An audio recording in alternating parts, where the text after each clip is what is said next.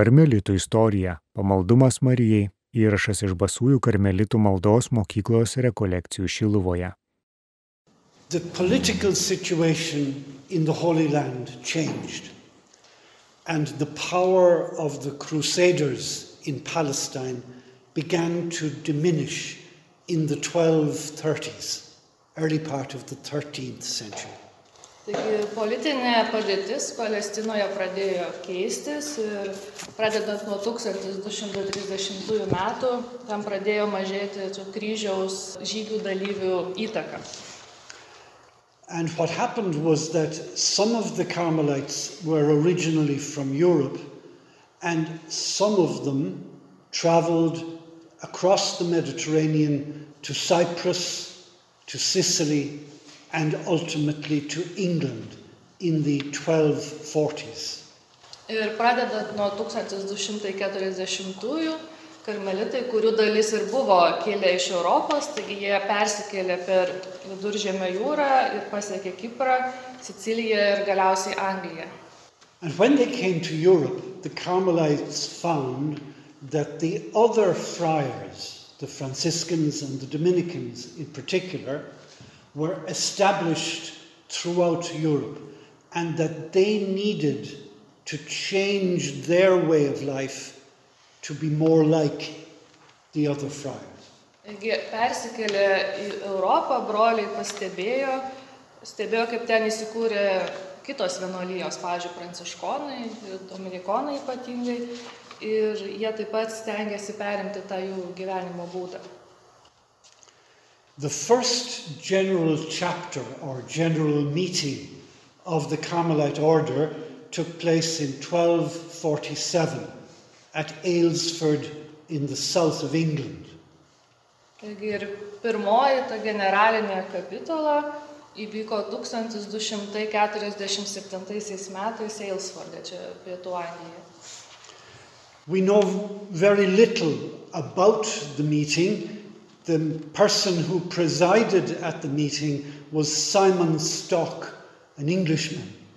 Apie tą susitikimą iš tiesų žinome labai nedaug, bet žinome, kad jam vadovavo Simonas Stokas, anglas.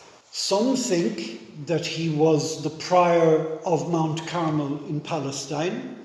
Some think that he was the provincial of England. Nobody knows, but I think it's likely that he was both, both the provincial in England and the prior on Mount Carmel. Taigi vieni mano, kad uh, Stokas buvo ir Karmelio kalno prioras, arba kad jis buvo Anglijos e, provincijos provincijolas. Bet gali būti, kad jis buvo ir tas, ir tas. An extraordinary thing happened at the chapter. The Carmelites agreed, a minor miracle, to ask the Pope at the time, Pope Innocent III, to change who they were, to allow them to modify the way of life they were living to be more like the friars. Taigi ir tame susitikime buvo nutartas toks neįtikėtinas dalykas. Broliai nusprendė kreiptis į tuometinį popiežių, Inocentą III ir prašyti, leisti jam pakeisti gyvenimo būdą, prisitaikant prie jau Europoje esančių vienuolyjų. The Pope gave the task to two Dominican bishops, and they took the formula of life that Albert had written and they made seven, eight fairly minor changes to allow that. Ir Popiežius paskyrė du dominikonų vienuolius vyskupus, kad jie paimtų tą Alberto gyvenimo taisyklę, peržvelgtų ją ir padarytų atitinkamus pakeitimus, ir jie ten pakeitė septynis, aštuonis dalykus toje taisyklėje. I'd like you just to think a minute about that. This adaptation to the situation in which we find ourselves as Christians in the world. Norėčiau, kad minutėlę pagalvotumėte apie tokį dalyką, tai yra prisitaikymas prie esamos situacijos mums dabar gyvenantiems krikščionėms. Sometimes not changing is a virtue, Kartais nesikeisti yra darybė, but sometimes it's a vice. bet kartais kaip tik įda. Wisdom is when you know the difference. O išmintis yra su, suprasti tą skirtumą. What can we allow to be adapted, and what must we be very careful not to change? Taigi, kur galim prisitaikyti, o ką kaip tik labai atsargiai reikia stengtis nekeisti. The Carmelites, I think, wisely decided to allow themselves to be changed because it would enable them to serve others. Manau, kad karmelitai išmintingai nusprendė pasikeisti tam, kad galėtų geriau patarnauti kitiems žmonėms. How else is God going to change us unless we're convinced of the need to adapt? Ir kaip kitaip Dievas galės mus pakeisti, jeigu mes patys nebūsime įsitikinę tą būtinybę prisitaikyti. In your life of prayer, God will be slowly changing you because God is a living God. Ir jūsų maldos gyvenime Dievas po truputį jūs keis, nes Dievas yra gyvasis Dievas. And when the change enables you to love more or in a different way or better, the change is to be welcomed. Ir kai dėl to pokyčio jūs gebėsite arba labiau mylėti, ar kitokiu būdu mylėti, tai tokį pokytį reikia priimti. Wouldn't it be a failure if our prayer did not change us? Argi nelaikytume to nepasisekimu, jeigu mūsų malda mūsų nekeistų.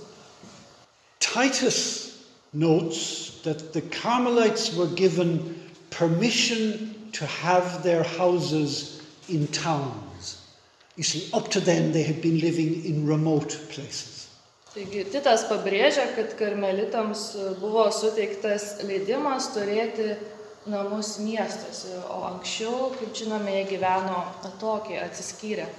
And he says that, like the other friars, they were given access to apostolic work. Ir taip pat kaip ir kitoms brolyjoms, jom- jiems buvo leista užsiimti apaštaliniu darbu. Having a public church providing the sacraments of confession, Eucharist, etc., to people. Ir ir to, tokia turėti kaip visiems atvirą bažnyčią, teikti sakramentus, Eucharistiją, susitaikinimo sakramentą ir taip toliau. The rule of 1247 says that Carmelites are to live in community. Toje 1247 metais priimtoje taisyklėje sakoma, kad karmelitai turi gyventi bendruomenėje. They are to eat in a common refectory, a common dining room. Ir jie valgys tokia bendrame tame valgymo kambaryje, patalpoje. They are to have common liturgical prayer, Ir turės bendrą liturginę maldą. especially daily Mass and saying the divine office together.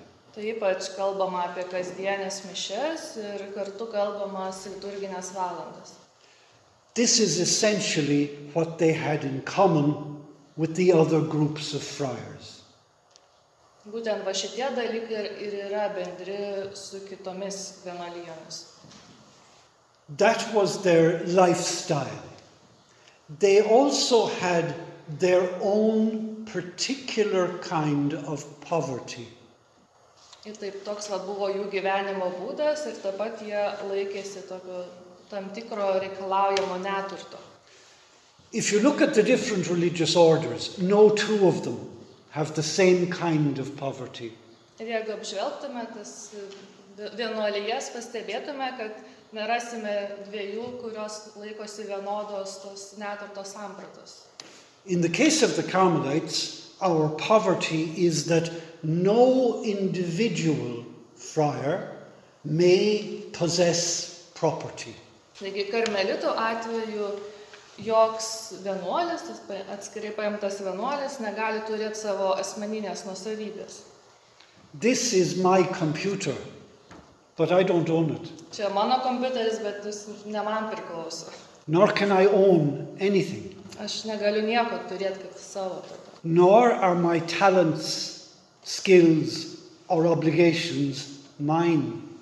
Talentų, įgūdžių ar kažkokio įsipareigojimo. They belong to my order. Visa tai priklauso mano ordinui. Because, as Titus says, the superior, whoever is the prior, may administer property for the common good, but the prior cannot own the property either. Nors, kaip sako Titas, tas vyresnysis, jis gali tiesiog valdyti tą visą nusavybę, skirstyti bendrajam gėriui, bet jis pats prioras irgi neturi nusavybės. Collectively, the Carmelites are active, actually very wealthy. Jeigu taip bendrai paėmus, tai karmelitai tikrai gana We turtingi. own properties, we own schools, we own buildings, not much money, but we own. Yra tos vat, nuosavybės, pastatai, mokyklos, ten tų pinigų gal nėra tiek daug, bet e, yra nuosavybės. It's a bit like your own property. Šiek tiek panašu į jūsų nuosavybę. The husband does not own the property individually, he owns it together with his wife. Pavyzdžiui, vyras nu, nėra vyro nuosavybė, pavyzdžiui, visą tai. And yra kartu in su law, žmona. in law, must use it for the benefit of the children. Ir iš tiesų pagal įstatymą turi visą tai panaudoti dėl savo vaikų gėrio. So you need to distinguish between the kind of poverty you have and are called to, and to understand it. Bet reikia skirti tas neturto rūšis ir ge- gerai jas suprasti. Um, the Pope allowed the Carmelites to have churches in towns, but he did not prevent them living as they had always lived in remote places. Taigi popiežius leido karmelitams turėti bažnyčias miestuose, bet taip pat nu, kaip neužkirto kelio ir tam, kad kaip ir anksčiau jie galėtų gyventi kur nors tokiuose vietose.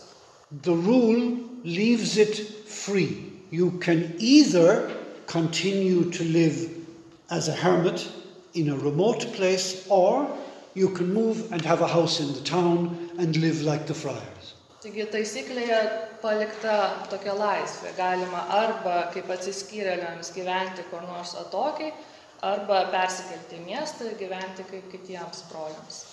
And that is as we stand. The 1247 rule is still our rule. That option is always open. Ir iki šiol yra taip, ta 1247 metais patvirtinta taisyklė galioja iki šiol ir mums dabar.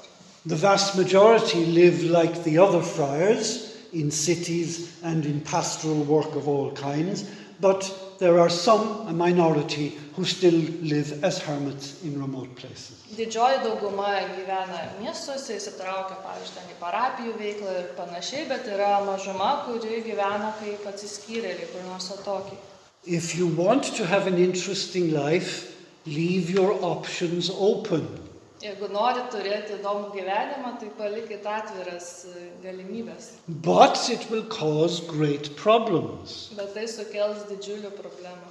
And throughout the history of Carmel, there is a constant tension between the ones who like the monastic, the her- hermit life, living remote from people to pray, and those who want to get involved in pastoral ministry with people. Taigi per visą karmelitų istoriją matome tą didžiulę įtampą tarp tų, kurie nori gyventi maldos gyvenimą, gyventi kaip atsiskyrėliai atskirai ir tarp tų, kurie nori įsitraukti į aktyvą paštalinį gyvenimą. One of the important insights of Titus Brandsma is the way he interprets our history on this question. Taigi toks įdomi Tito Bransmos išvalga būtent e, šiuo klausimu, kaip jis interpretuoja šitą karmelitų istorijos aspektą. What he says is that this mixture of hermit life and apostolic life did cause a problem for some. Ir jis sako, kad va šitas mišinys iš atsiskyrėliško gyvenimo ir apaštališko gyvenimo kai kuriems tikrai sukėlė daug rūpeščių.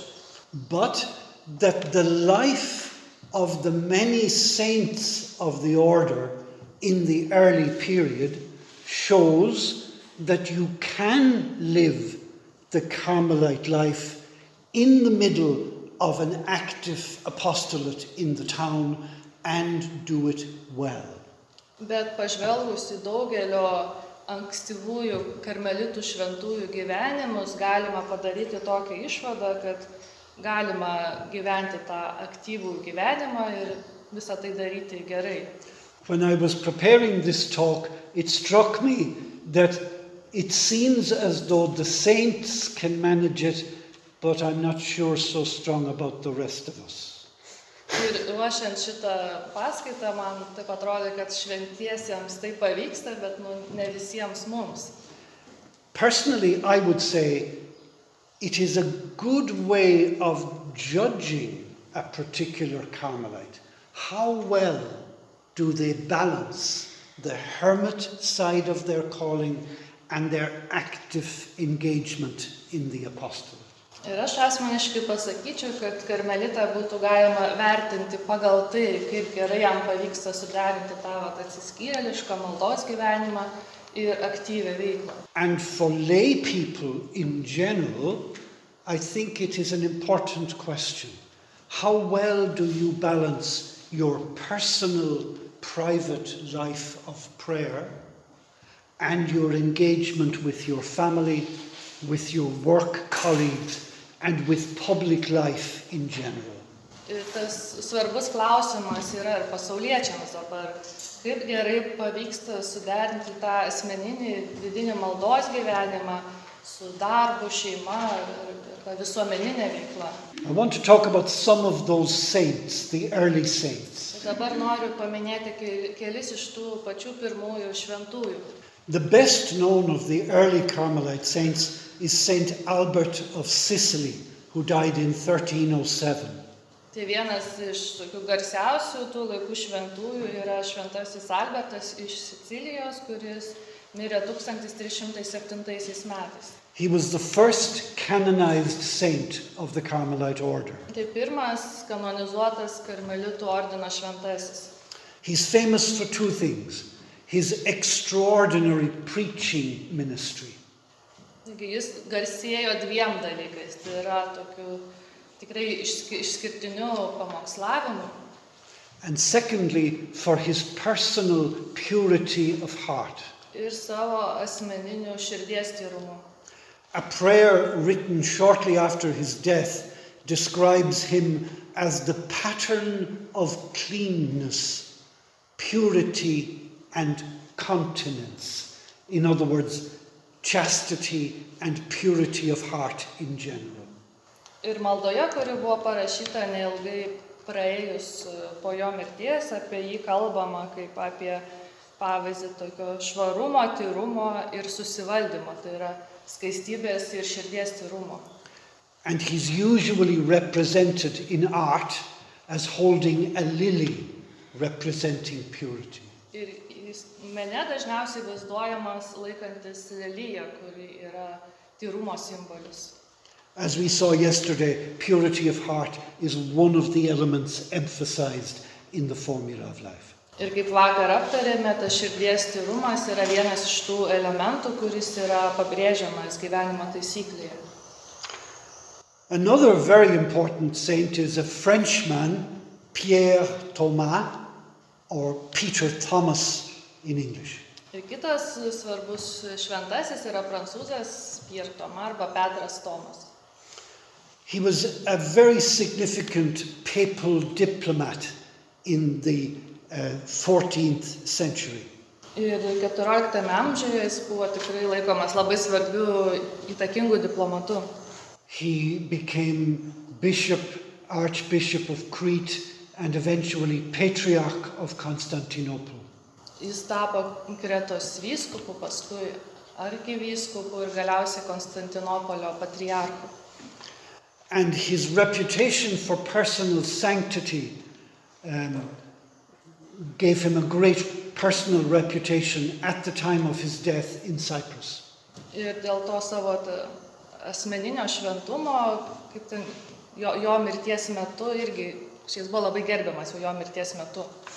Because of the miracles that happened at his grave, his grave was opened four months after his death, and his body was found to be still intact and as flexible as it had been when he died.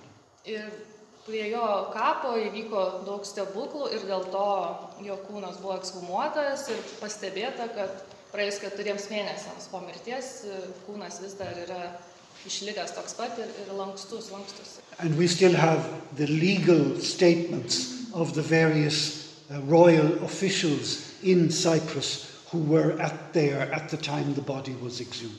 Yra išlikę tų teisinių dokumentų įvairių Kipro valdžios atstovų, kurie tuo metu buvo būtent prie kapo, kai tas kūnas buvo iškastas. The third, probably, of the best known Carmelites from that period is St. Andrew Corsini. Ir trečiasis žinomas to meto šventasis yra šventasis Andriejus Korsinis. He was Bishop of Fiesole, which is a small town outside Florence in modern Italy. Ir jis buvo Fiezolės vyskupas, Fiezolė yra miestelis prie Florencijos. Um, we, ha- we know quite a deal about him, and uh, two years ago I translated the copy of his personal business notes as Bishop of Fiesole into English. It Hasn't been published yet, but a very interesting character. Brolis prieš dviejus metus išvertė tokius asmeninius verslo užrašus į veiklos užrašus į anglų kalbą, bet dar nėra įspausdinta. He is famous for two mm, slightly contradictory things. Jis garsus dėl dviejų tokių šiek tiek prieštaringų dalykų. The first was his dedication to living in his cell, in the room that he had as a bishop. There were two other Carmelites who lived with him, and they were the local Carmelite community. Taigi pirmas tai toks atsidavimas gyventi savo toj celiai, kambarėlį, kai jis buvo vyskupas ir su juo tuo metu gyveno dar du karmelitai, jie sudarė tokią mažą bendruomenę. And the second was for his care of the poor in his diocese. O kitas tai jo rūpestis vargšiais, viskupijos vargšiais. We have the account by his, um, the person responsible for looking after the poor, whom he employed. He sent this man to get bread to feed the people who were begging at the door. The man went, looked, sorry, came back, no bread. toks yra išlikęs pasakojimas iš tokio žmogaus, kuris buvo pasamdytas būtent rūpintis tais vargšais, tas vyskupo pasamdytas. Taigi jam buvo pavesta nupirkti duonos tiem žmonėm, kurie getavo prie durų, taigi jis nuėjo, pažiūrėjo, ir duonos nėra. So he got very annoyed and he said, Go back and get the bread, the bread is there.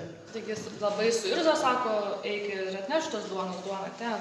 So the man went back, opened up, no bread, came back, bread. Taigi tas žmogus nueina, pasižiūri, duonos nėra, grįžta, sako, duonos nėra. So he took him by the hand and went, and it was full of fresh bread. Tai tada paėmė už rankos, nuvedė prie tos atsaugyklos, atidarė ten pilną šviežios duonos. Yra nu taip dokumentai pasirašyti su ant spaudais, su daugybė liudininkų. All of his miracles are about looking after the poor. Taigi visi jos stebuklai susiję būtent su rūpeščiu vargšiais. All three of these saints were known for their miracles, many miracles. Ir visi šitie trys šventieji yra garsūs savo stebuklais ir jų jie padarė ne vieną. But all three were also known for their devotion to Mary.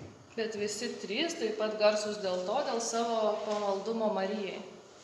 Philippe de Mézières, who wrote the life of Peter Thomas, Taigi Filip de Mezie, kuris parašė Petro Tomo gyvenimą, which I have also translated, kurį irgi brolis išvertė, said that Peter Thomas was ablaze on fire with the ardor of his devotion to the inviolate, uncorrupt Virgin Mary. Taigi jis rašo, kad Petras Tomas tiesiog degė tuo uolumu, pamaldumo uolumu, nepaliestai Marijai. So you have three examples here of very holy, very Marian devotion to Mary, very much living the Carmelite values of the rule, and yet involved in active ministry. Taigi matom čia tris pavyzdžius labai šventų žmonių, kurie atsidavusių Marijai ir visiškai gyvenančių pagal karmelitų gyvenimo taisyklę, bet tuo pačiu ir įsitraukusių į pagalbą žmonėms. Titus comments that these early saints of Carmel are examples of the perfect harmony of the active and contemplative life. Ir Titas e, rašo, kad šitie pirmieji karmelio šventieji yra pavyzdžiai tokios tobulos harmonijos, aktyvaus ir kontemplatyvaus gyvenimo. Okay, that brings us to the end of the first part of what I have to say. Could I ask you, as we did yesterday, have a chat with your neighbour on anything that struck you that we have presented so far? And I will ask you for some comments or questions after. Taigi čia dabar yra pirmosios dalies pabaiga. What I want to look at now is how Marian devotion, devotion to Mary, developed in the Carmelites from the beginning more or less up to the present. Dabar norėčiau apžvelgti tai, kaip e, pamaldumas Marijai prasidėjo Karmelio ordinė, kaip vystėsi ir, kaip, ir pasiekė šias dienas. When we got our rule in 1247, there was no mention of Mary in our title. Ir kai gavome taisyklę, kas įvyko 1247 metais, tai Marija mūsų pavadinime nebuvo minima. But as we will see, Mary was already important for the Carmelites at that time. Bet kai pamatysim, tuo metu Marija jau buvo svarbi karmelitams. Albert's formula of life from maybe 1213, 1213, Ir Alberto gyvenimo taisyklėje apie 1213 metai says that the group should build an oratory, a place for praying, in the middle of the cells where the hermits were living. Taigi ten nurodoma, kad tie bendruomenė turėtų pasistatyti oratoriją, tai yra vieta, kur bus melčiamasi, būtent e, visų atsiskyrėlių celių viduryje. The cells in which they were living were caves in the side of the valley where they had their monastery. Ir tos celės tai buvo tokios olos e, slėnio š- šone ir tame slėnyje, kurie gyveno. And what you see in the photograph is the main door of the oratory that was built as Albert had prescribed. Ir čia toje nuotraukoje matote tos oratorijos duris. Ta oratorija buvo pastatyta būtent laikantis Alberto nurodymo. There's no mention of Mary in our formula of life or in the rule. Taigi nei gyvenimo taisyklėje, nei tai nurodymuose nėra minima Marija. But the accounts written by pilgrims in the 14th century say that the chapel in that place was dedicated to Mary. Bet remiantis piligrimų užrašais iš 14 amžiaus matome, kad ta koplyčia, kuri ten buvo pastatyta, jinai buvo skirta Marijai. The part of the mountain on which the monastery was looks down on the town of Nazareth 50 kilometers away. Ir kalno dalis, ant kurios stovi vienuolynas, yra pasigręžusi į Nazareto miestą, kuris yra už 50 km. At the time of the rule, 1247, the group was known as the Hermit Brothers of Mount Carmel. Taigi tuo metu, kai buvo patvirtinta taisyklė, tai 1247 metais ta visa brolyje buvo žinoma tokiu pavadinimu, kaip Karmelio kalno broliai atsiskyrėliai. remitai. But by 1271, less than 30 years later, they were being described as the brothers of Our Lady of Mount Carmel. Bet jau 1271 metais, tai yra nepraėjus net 30 metų, apie juos jau rašoma kaip apie Karmelio kalno Dievo motinos brolius. It seems that this title was given to them in Europe Ir atrodo, kad va, šis pavadinimas jiems suteiktas Europoje. after they had come from Palestine. Po to, kai jie atsikėlė iš Palestinos. One of the earliest Carmelite prayers is addressed to Mary. Ir viena iš pirmųjų karmelitų maldų ir yra skirta Marijai. Flos Carmeli in Latin or flower of Carmel in English Tai flos karmelio latiniškai arba karmelio gėlė. recognizes that Christ gave us his own virgin mother Ir joje pripažįstama, kad Kristus davė mums savo motiną mergelę. and note this contradiction between virgin and mother Ir pažiūrėkit, tokia prieštara mergelė ir motina. meaning that she produced fruit the flower of her own virginity Tai yra, kad jinai subrandino vaisių, tai yra savo skaistybės e, vaisių, e, žiedą. who is to be our spiritual mother Ir turi būti mūsų dvasinė motina.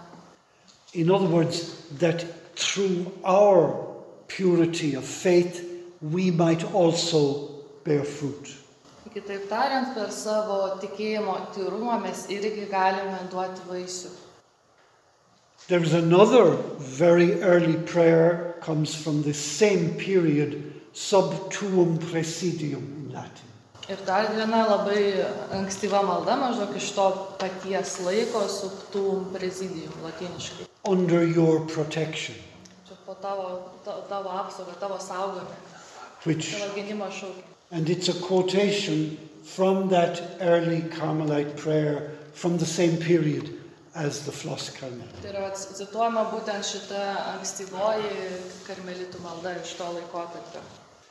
Titus says that Carmelite devotion to Mary focuses on her in a particular Carmelite way.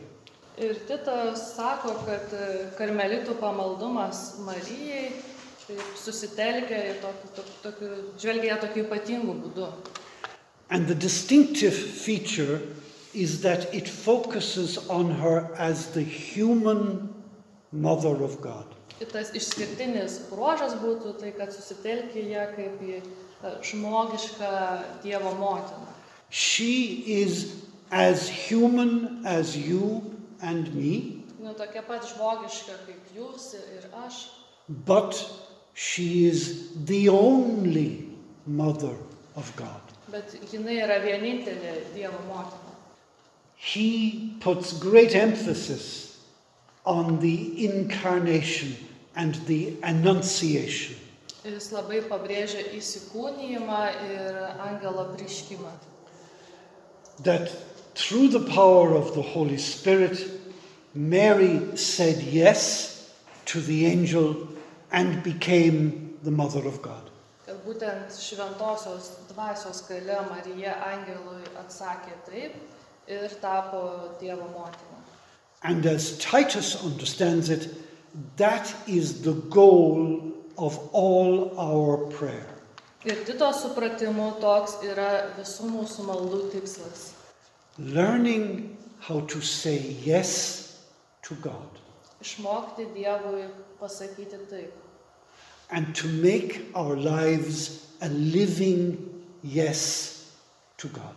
Ir iš savo gyvenimų padaryti tą gyvą taip Dievui. Only one um, letter from Dachau that Titus wrote while he was in Dachau in, in uh, 1942, uh, reached the family of Saint Titus.